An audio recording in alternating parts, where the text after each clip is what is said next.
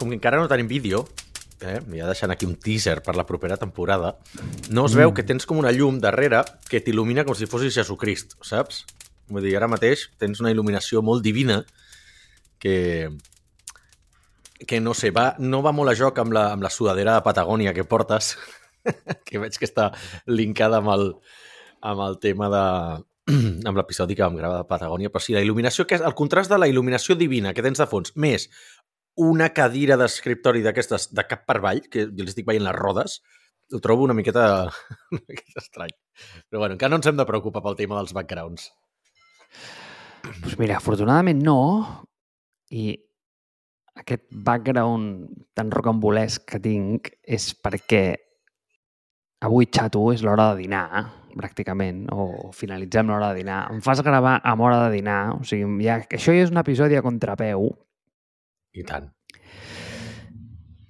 i he tingut que buscar un lloc improvisat enmig de l'oficina dels meus estimats amics de Goin i m'han donat aquesta espècie de despensa on, on guarden les cadires que no fan servir. Així que sí, estic compartint espai amb els, amb els trastos vells de Goin, bàsicament. El quarto de les rates, eh? T'han enviat, Marc? Bàsicament sí, bàsicament sí. I pel pròxim, que ja podré venir una mica més preparat, buscaré un setup ben maco per, perquè el teaser que has deixat pues, estigui, es- estigui vivint l'expectativa. És a dir, que, que realment tingui un fondo d'aquells que diguis, nano, estàs aquí a Madison Square Garden, eh, xato? O sigui, confirmem, no? Confirmem que la següent temporada tindrà vídeo? Ho volem? Ho vol l'audiència? Sí, no? que ens enviïn missatges. sisplau, tots aquests que esteu escoltant en directe, o sigui, l'Àlex i jo, que votin, així que estem a favor d'un episodi de vídeo per la següent temporada, així ens veureu les cares i les samarretes falses de la NASA que porta l'Àlex. Sí, però és una samarreta que porta el logo de la NASA i posa Carrero Blanco. Vull dir, potser són d'aquestes samarretes que hauria de... Hauria, no sé si hauria d'autocensurar-me o no, què collons, saps? Vull dir, eh, amb, amb podcast i tot això s'ho ha fet servir per tot arreu. De fet, em sona, he parlat en una conferència de startups, en aquestes, eh, per cert, publicitat encoberta, però és de, dels amics de Branca Studio, que fan samarretes acollonants, però aquesta sí, em sembla que l'he fet servir en alguna conferència de startups, he sortit a parlar amb això perquè, evidentment, doncs la referència es perd, no? Es perd fora de, es perd fora d'Espanya. Però a Espanya no crec que em deixessin sortir a un escenari amb una samarreta així. Hòstia, és que jo no havia vist la part de baix. O sigui, jo veia com car algo així, però no veia que posava Carrero Blanco. Sí, a veure, eh, el, el concepte és polèmic, eh? Com a mínim. Com a mínim és polèmic. Però bueno. O sigui, qui entengui la referència és d'aquelles samarretes que... A veure, ostres, amb tot el respecte eh, pel senyor Carrero Blanco, però com que et, et pinta un petit somriure a la cara. Et dius, però, però no, no pel que va passar, eh? però sinó com per... Tio, que, és intel·ligent, vull dir, que està ben linkada. O sigui, eh, malgrat pots estar d'acord o no... eh, És subtil. És subtil. Exacte, exacte. Té subtilesa. Està ben jugada, està ben jugada, està ben jugada. Està, està ben... ju- Sí, és d'aquelles que dius, hòstia, està ben... Eh, correcte, està, està ben jugada. Dius, va, si més no, fa, fa pensar, saps? Després ja estaràs d'acord i no, ja posaràs la línia... La, les teva, la, tiraràs les teves línies morals més amunt o més avall, no? Vull dir, però, però si més no, a nivell de disseny i tot això, doncs, bueno, saps? Vull dir, eh, I- a nivell d'ocurrència, doncs està molt bé. que sàpigues, que sàpigues que hi ha diu, a Jesucrist mira, hòstia, és difícil eh, comparar-se amb ell i tal, perquè el xaval, va, el xaval va fer coses, eh? Però ha dos anys li trec, eh? Dos anys. O sigui, ja, tio, mm, igual no el guanyo a l'esprint, però igual podem guanyar a Jesucrist en una marató, eh? Exacte. Sí, sí, jo sempre ho deia, dic, jo, jo vull viure almenys suficient com per passar a Jesucrist, saps? I poder-li dir, fota't, saps? He viscut més que tu. Però, bueno, no sé, la rellevància històrica potser serà una altra, eh? Vull dir, no, no, no crec que deixi tanta empremta. Està sobrevalorat, eh, jo crec, però bueno, no ho sé. Jesucrist està sobrevalorat. Però bueno, va molt bé per crear blasfèmies, això és bastant útil. Però bueno, escolta, tio, que ens estem anant aquí. De què parlem avui? No, tio, digue-m'ho tu perquè m'has fet llegir bàsicament el que vindria a ser la teva agenda saps? L'Àlex em diu, canviem la data de l'episodi, parlarem d'això, i m'envia el seu calendari. Ho explico, n'explico. Eh, hi ha una cosa, és que, saps què passa? Que és una, una pregunta que em ve molt recurrent. Val? La gent, em, evidentment, crec que potser durant molts anys m'havien conegut més per ser el tio de Startup Grind a Barcelona, no? els esdeveniments que, que organitzo, malgrat que la meva ocupació, eh, la meva feina és dirigir una empresa de desenvolupament que es diu Mars-Based. És la que paga les factures, és la que paga Mars-Based, eh, perdó, la que paga Startup Grind, perquè ens entenguem. Però què passa? Que Mars-Based és un concepte més de... Bueno, és una agència, no és tan sexy de cara al públic, no és B2C, no és noticiable, no la veureu molt als diaris, i Startup Grind, doncs, al final, doncs, bueno, és molt B2B, crees esdeveniments, conferències, eh, portes ponents famosos, eh, sortir als diaris, ens donen molta publicitat, sortim a les newsletters, bla, bla, bla, bla, bla, gravem vídeos, els posem a YouTube, aleshores, clar. Però una de les preguntes que rebo sempre és i com tu fas per gestionar dues empreses? Val? Primer de tot, la resposta és molt senzilla, és només hi ha una empresa. L'empresa és Mars-Based i Startup Brain és un- esdeveniment que organitzem des de Mars-Based. Però potser fet i fotut podrien ser dues empreses. Per què? Perquè tenen budgets completament separats, tenen equips pràcticament separats i el que és pitjor de tot és que no tenen molt a veure una amb l'altra. Val? Aleshores, veient això i com que porto fent, porto dirigint les dues coses des del primer any, vam començar al mateix temps, des del 2014, sempre m'ha portat força mal de caps com gestionar dues coses enterament diferents. I aleshores aquí, segurament entre la nostra audiència, perquè sabem, de fet, que hi ha els típics serial founders, no? N'hi ha, ha uns quants, gent que, que dirigeix diverses empreses o que mig eh, dirigeix un fons d'inversió o que té algun side project, també m'ha parlat. Com es fa per dirigir dues coses a, a la vegada, no? I aleshores jo vaig decidir adoptar el, de manera una miqueta esotèrica el, la distribució de, dels dies de la setmana que feia servir Jack Dorsey quan dirigia les empreses de Twitter i, i Square. Val? I aleshores ho tenia separat per dies temàtics, bàsicament. O sigui, ell treballava com en, en àrees, no tant en empreses. Val? Ell no pensava, eh, vaig a fer eh, dos dies per Twitter i tres per Square o, o viceversa. No? Aleshores, el que feia era doncs, distribuir-se per dies i cada dia feia com una cosa, una, unes àrees. No? I jo vaig decidir fer exactament el mateix. Vaig escriure una entrada al blog per qui, per qui la vulgui llegir, ja la linkarem en el, en, a les notes de l'episodi, però a mi m'ajuda, m'ha ajudat molt durant molts anys, pràcticament 8 anys porto fent això, o, o 7, i eh, li havia donat un dia temàtic a cada una i feia servir, feia, em feia servir, les, em feia, la- m'organitzava l'agenda d'aquesta manera, no? Aleshores, el dilluns, per exemple, doncs un dia que està enterament dedicat a ventes. El dimarts un dia que està enterament dedicat a Startup Grind perquè només li volia dedicar un, un dia. Val? El dimecres, growth. Vale?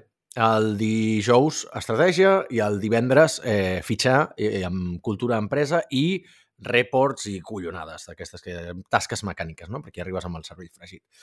Hi ha algunes coses que són Eh, o sigui, tot i que tinc un dia, que és el, el dimarts, que és només Startup Brain, el que vull dir és que aquell dia sí que intento focalitzar-me en fer només treure totes les tasques de Startup Brain. Però el dilluns, que faig ventes, pot ser ventes per Mars Race i pot ser ventes per Startup Brain. Dimecres, que és Growth, pot ser... i Marketing, pot ser per Mars Race, pot ser per Startup Brain. Val? I m'ha anat força bé, però mmm, la notícia és que deixo de fer-ho.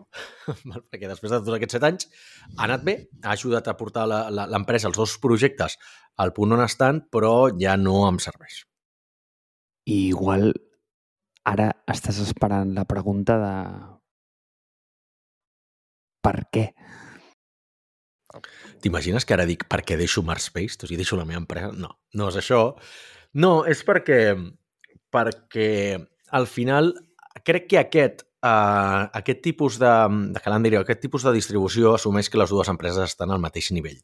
En el meu cas no ho és, perquè una empresa té un equip de gairebé 20 persones, eh, una facturació de 2 milions anuals i una sèrie de dinàmiques durant el dia a dia i que també, com a CEO, he passat de ser un CEO en els primers anys més orientat a fora de l'empresa per fer ventes, ventes, ventes, promoció, promoció, promoció, per donar-nos a conèixer, i ara estic sent molt més CEO de cap a dintre l'empresa, més de cultura d'empresa, més d'estratègia, més de, més de gestió d'alguns projectes, de resolució de conflictes, de tracte amb empleats, i eh, absorbeix molt més que el que pot ser, um, diguem, el, un projecte com Startup Plan, que és un projecte voluntari, que fem un esdeveniment un cop al mes, que té un equip de voluntaris, que té molt poca estructura, que no té, bueno, té molt poca, molt poca facturació perquè ens entenguem, mm, de tant en quant venim algun sponsorship, però pràcticament tot és vendre entrades pels esdeveniments i ja està, i requereix dinàmiques tan diferents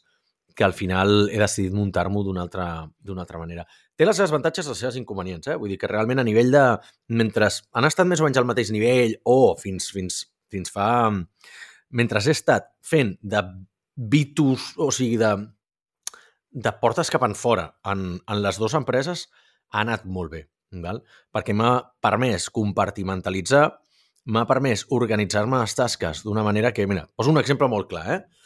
eh perquè una de les coses que, com a CEO, o com a fundador, se t'acumulen tasques de diferents, de diferents naturaleses, no? Que el mateix et toca revisar un contracte d'un client, com eh, rematar un fitxatge, com tancar una venda, com resoldre un foc intern a l'empresa, no? Hòstia, són coses molt diferents. I tendeixes a anar fent les coses tal qual surten. Vull dir, una de les principals feines d'un CEO és apagar focs, val? I és una de les coses que, que m'ha tocat fer. Però D'aquesta manera, o sigui, aquí el que acabes visquent és en el de foc en foc, vas saltant. En canvi, tenint dies temàtics, a mi el que em permet és que jo, per exemple, si avui és dimecres val? i m'entra una cosa de ventes, ja no la faig avui. La passo el dilluns que ve. Me n'oblido, m'allibero l'espai mental, la calendaritzo per dilluns que ve i el dilluns tinc foco en una àrea expressa de la companyia com és ventes. Evidentment que sempre hi ha coses que s'han de resoldre aquell dia, val? però si tu estàs focalitzat en una sola àrea, és més fàcil que aquell dia siguis molt més productiu doncs fent tot el que requereix. Eh, doncs em poso a les, a les 9 del matí, quan comenci, em poso en modo ventes i faig tots els pings a clients, faig la revisió de contractes pendents, faig el push a ventes, faig la revisió dels dashboards de, de la llargada dels projectes, faig tot, tot, tot, tot, tot, tot la, bueno, propostes, enviar, fer follow-ups, tot de ventes. I així, el, el dia següent, quan acaba el dia, jo ja tanco aquesta carpeta i passo la de, a la del dia següent. I, hòstia, més que aquesta petita cosa de dir no faig això avui, ho passo el divendres que ve, tot i que podria fer-ho ara, eh? I seria fàcil perquè, hòstia, tu treus ara de sobre, una tasca menys, la satisfacció immediata de treure't una microtasca que, que et dona aquell, una miqueta aquell xute d'adrenalina de dir estic, estic completant coses, dius no, no, no, no, no, no. La trec de la meva vista l'envio divendres, tot i que sé que podria fer-la en 5 minuts, l'envio divendres jugant-me-la que també tens el context switching, aquest de dir, hòstia, el divendres potser has de recuperar a l'estat en el que estava, però fins ara m'ha compensat molt. O sigui, agafar aquests dies i dir, i avui només faig una, una àrea de l'empresa, té uns avantatges, tio, que durant molts anys m'ha anat molt i molt i molt, molt bé. Sí, doncs no ho havia pensat fins ara, eh? I és interessant. Eh, és que m'agrada molt la idea, perquè jo fins ara era absolutament tot el contrari, no? I, i has tret dos temes que a mi em semblen molt interessants.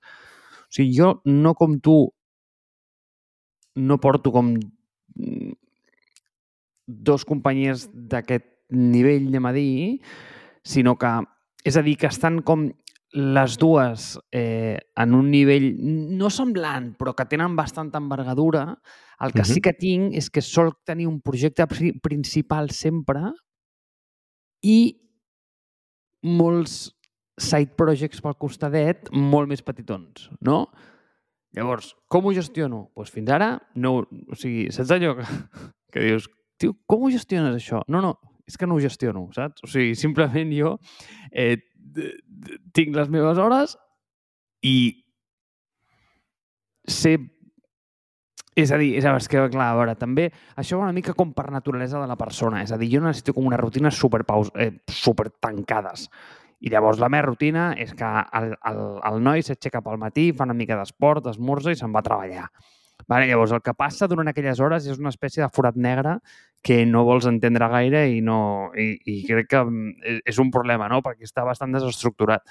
Eh, fins ara, què és el que feia? Pues el que feia és com que intentava compartimentar-ho, no? I deies, vale, pues durant eh, a la- a les hores del dia les dedico al projecte principal, sobretot perquè, igual que tu, eh, jo també faig una mica de canguro vale? i de Mary Poppins a dintre de l'empresa. Llavors, has de... M'agrada el concepte. Pues amb el paraigües aquí, eh? pues, eh, concepte Mary Poppins eh, en el sentit de que, home, has de treballar amb un equip i llavors, pues, home, pues, l'equip pues, eh, és demanding, no? O sigui, a veure, no és com un gos que tens que donar-li de menjar i treure-la a passejar cada dia, però, home, pues, eh, surten cosetes, no? Pues, bueno, guants, hòstia, ara aquest eh, té l'issue aquest, ara aquest té l'issue l'altre, llavors acabes fent com molta tasca de recursos humans, també, no? Llavors, Exacte. eh, És un dels principals eh, inconvenients d'aquest model. Clar, eh, que, que em requereix molta sincronia, és a dir, no, no, no puc mm, sinc asincronitzar moltes coses perquè, hòstia, quan a la gent li pica un peu, li pica un peu. No diran, no, eh, tio, espera a que et piqui el divendres per la tarda, eh, que igual llavors és quan jo rasco peus, saps? No, mm, és, no funciona així, eh, o almenys la gent no funciona així. Llavors, què, què és el que faig? Pues que ja tinc unes hores durant el dia on m'acoplo amb tothom i després, pues mira, pues de la forma més desordenada del planeta eh, treballo amb el que més de gust també amb els side projects o amb les altres coses més petites que pugui tenir. Exemple. No, no exemple. Problema. ¿vale? Problema. Que jo sóc víctima de primer nivell de la causística que tu acabes de treure, que és la de anem a lidiar primer amb la tasca més fàcil. Jo sóc d'aquests, eh? ho confesso, aquí, ho dic. Val? Eh, sé que no hauria de ser així, sé que la gent brillant, el Jesucrist de la vida, primer fan la cosa difícil i després fan la resta, però no és el meu cas. Vale?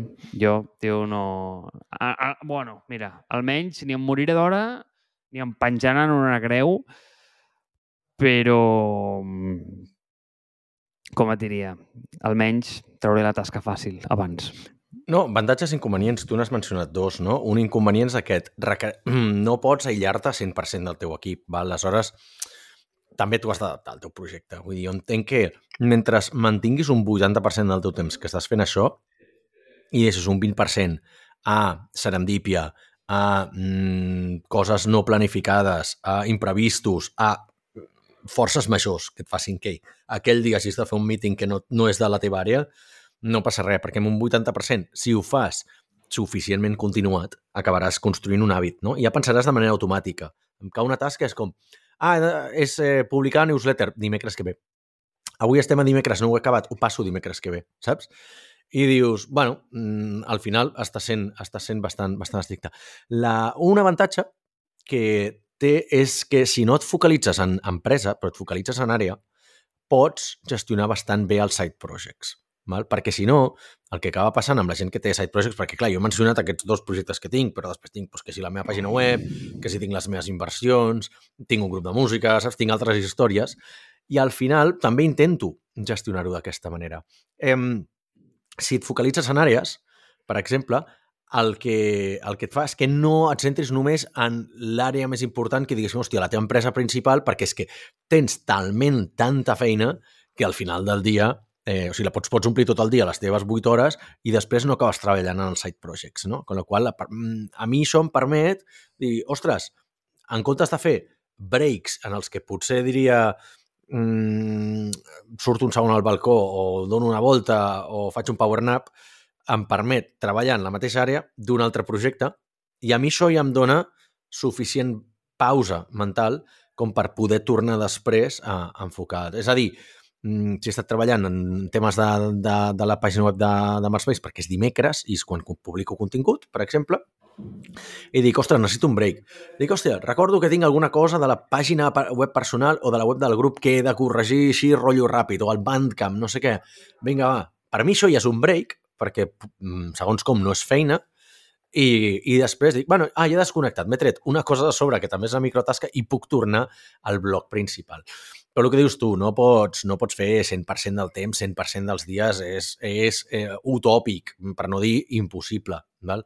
Però bueno, jo crec que com a, com a rutina, et dic, a mi m'ha funcionat, estic content. I una cosa que no he mencionat és que tinc un, un, petit un petit truc que crec que em va bastant bé i m'agrada sempre compartir-ho, la gent no hi pensa gaire, és que jo em planifico la setmana el diumenge per la nit. Val? Diran, tu estàs loco, treballes al cap de setmana. No, no treballo el cap de setmana, saps? Vull dir, agafo una horeta del diumenge al vespre, val? Perquè, i tu saps, Marc, jo no contesto coses a feina al, al, al d'això de cap de setmana, no? Algo de cap de setmana? Doncs pues directament el dilluns o el dimecres o el dia que toqui.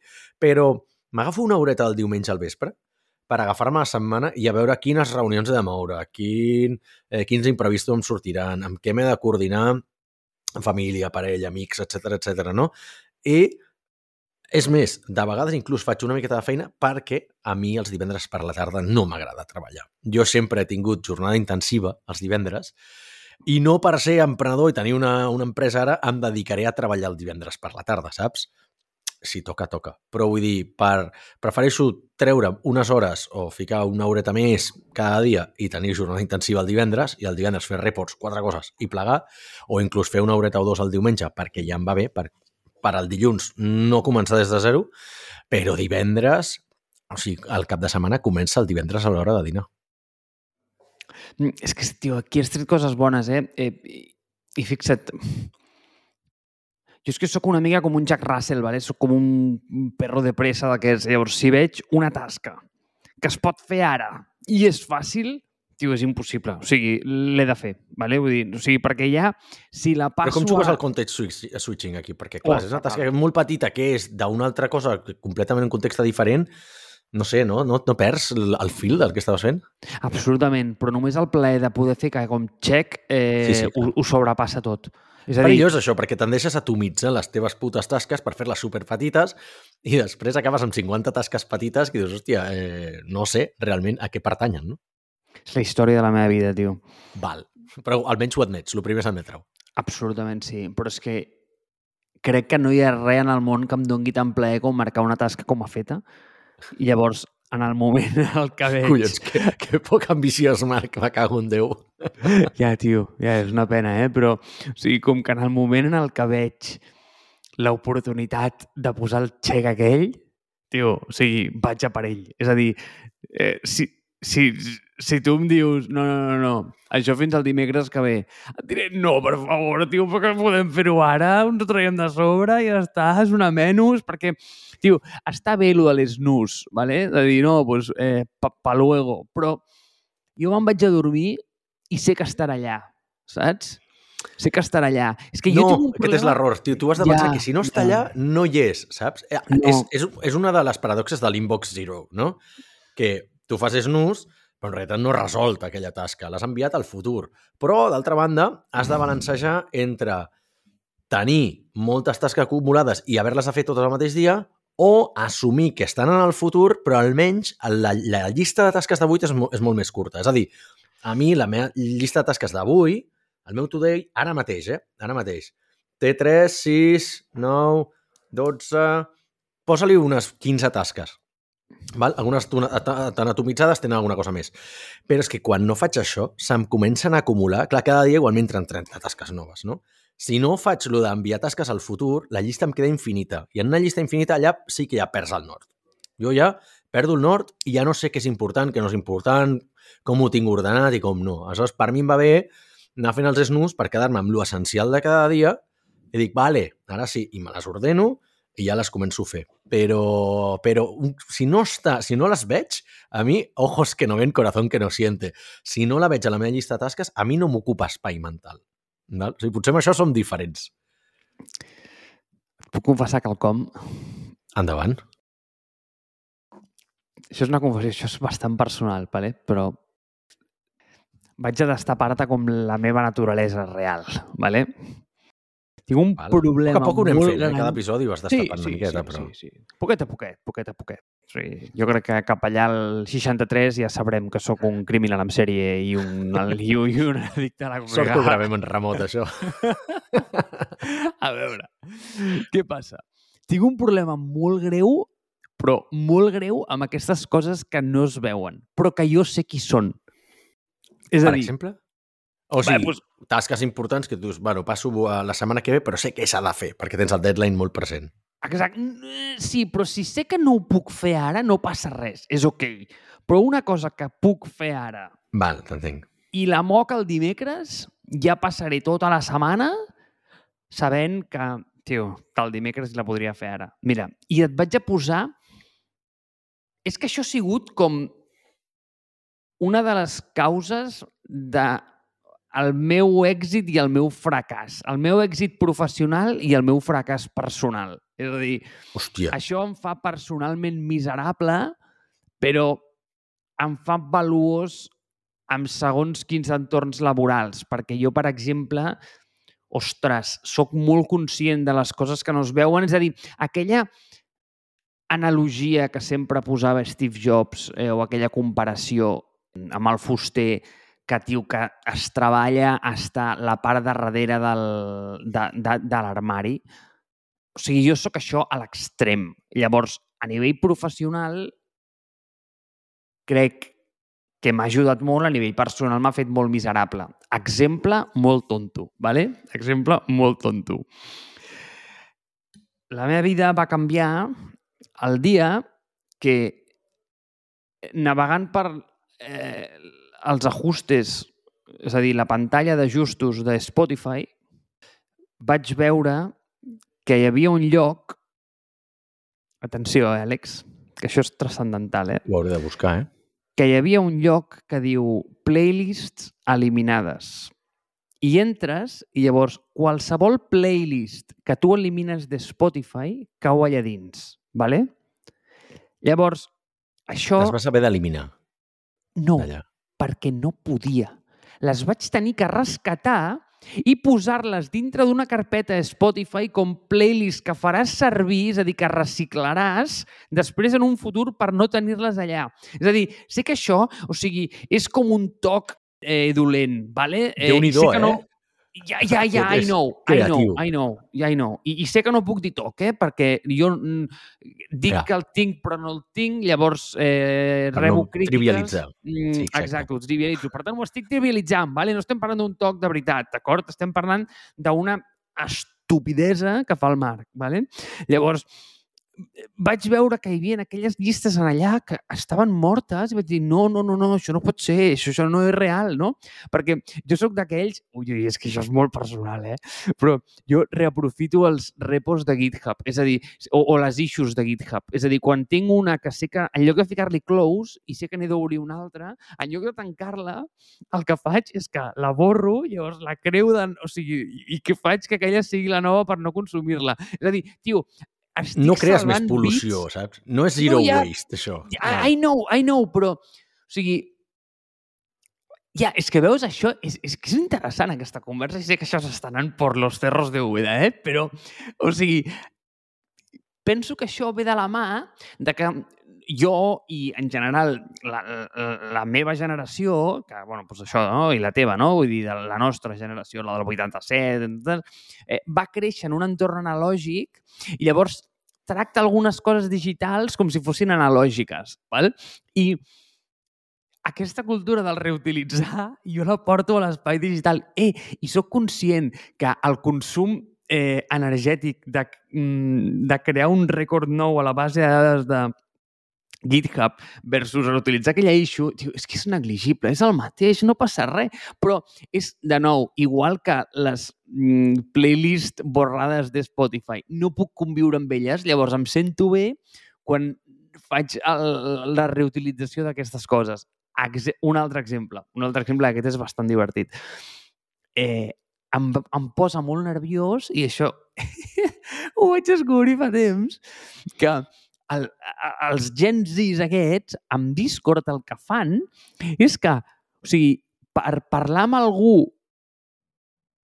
que no està tangencialment relacionat amb el tema de conversa d'un servidor, tio, creen un servidor només per tenir una conversa. I jo, però què sou caníbals o què? O sigui, sou consumidors mm, extrems de recursos de Discord, pobre. I clar, i és que és igual, pots crear les instàncies que vulguis al servidor, però al meu cap, crear un servidor per això, no ho sé, tio. És com voler matar eh, una mosca amb una bomba d'hidrogen. Llavors, no té cap puto sentit, ¿vale?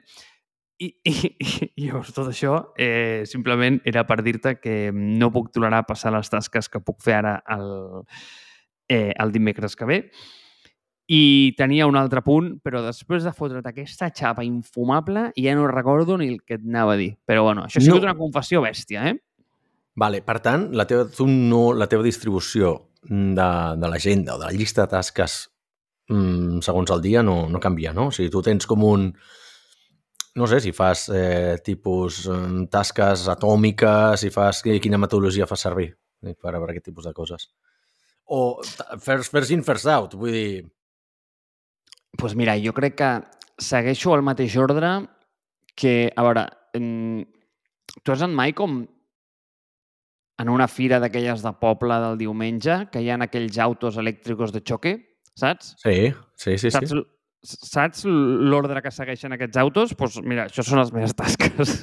No, no, vull dir que com van per la pista, vols dir completament aleatoris, com si anessin tots els crios anessin borratxos.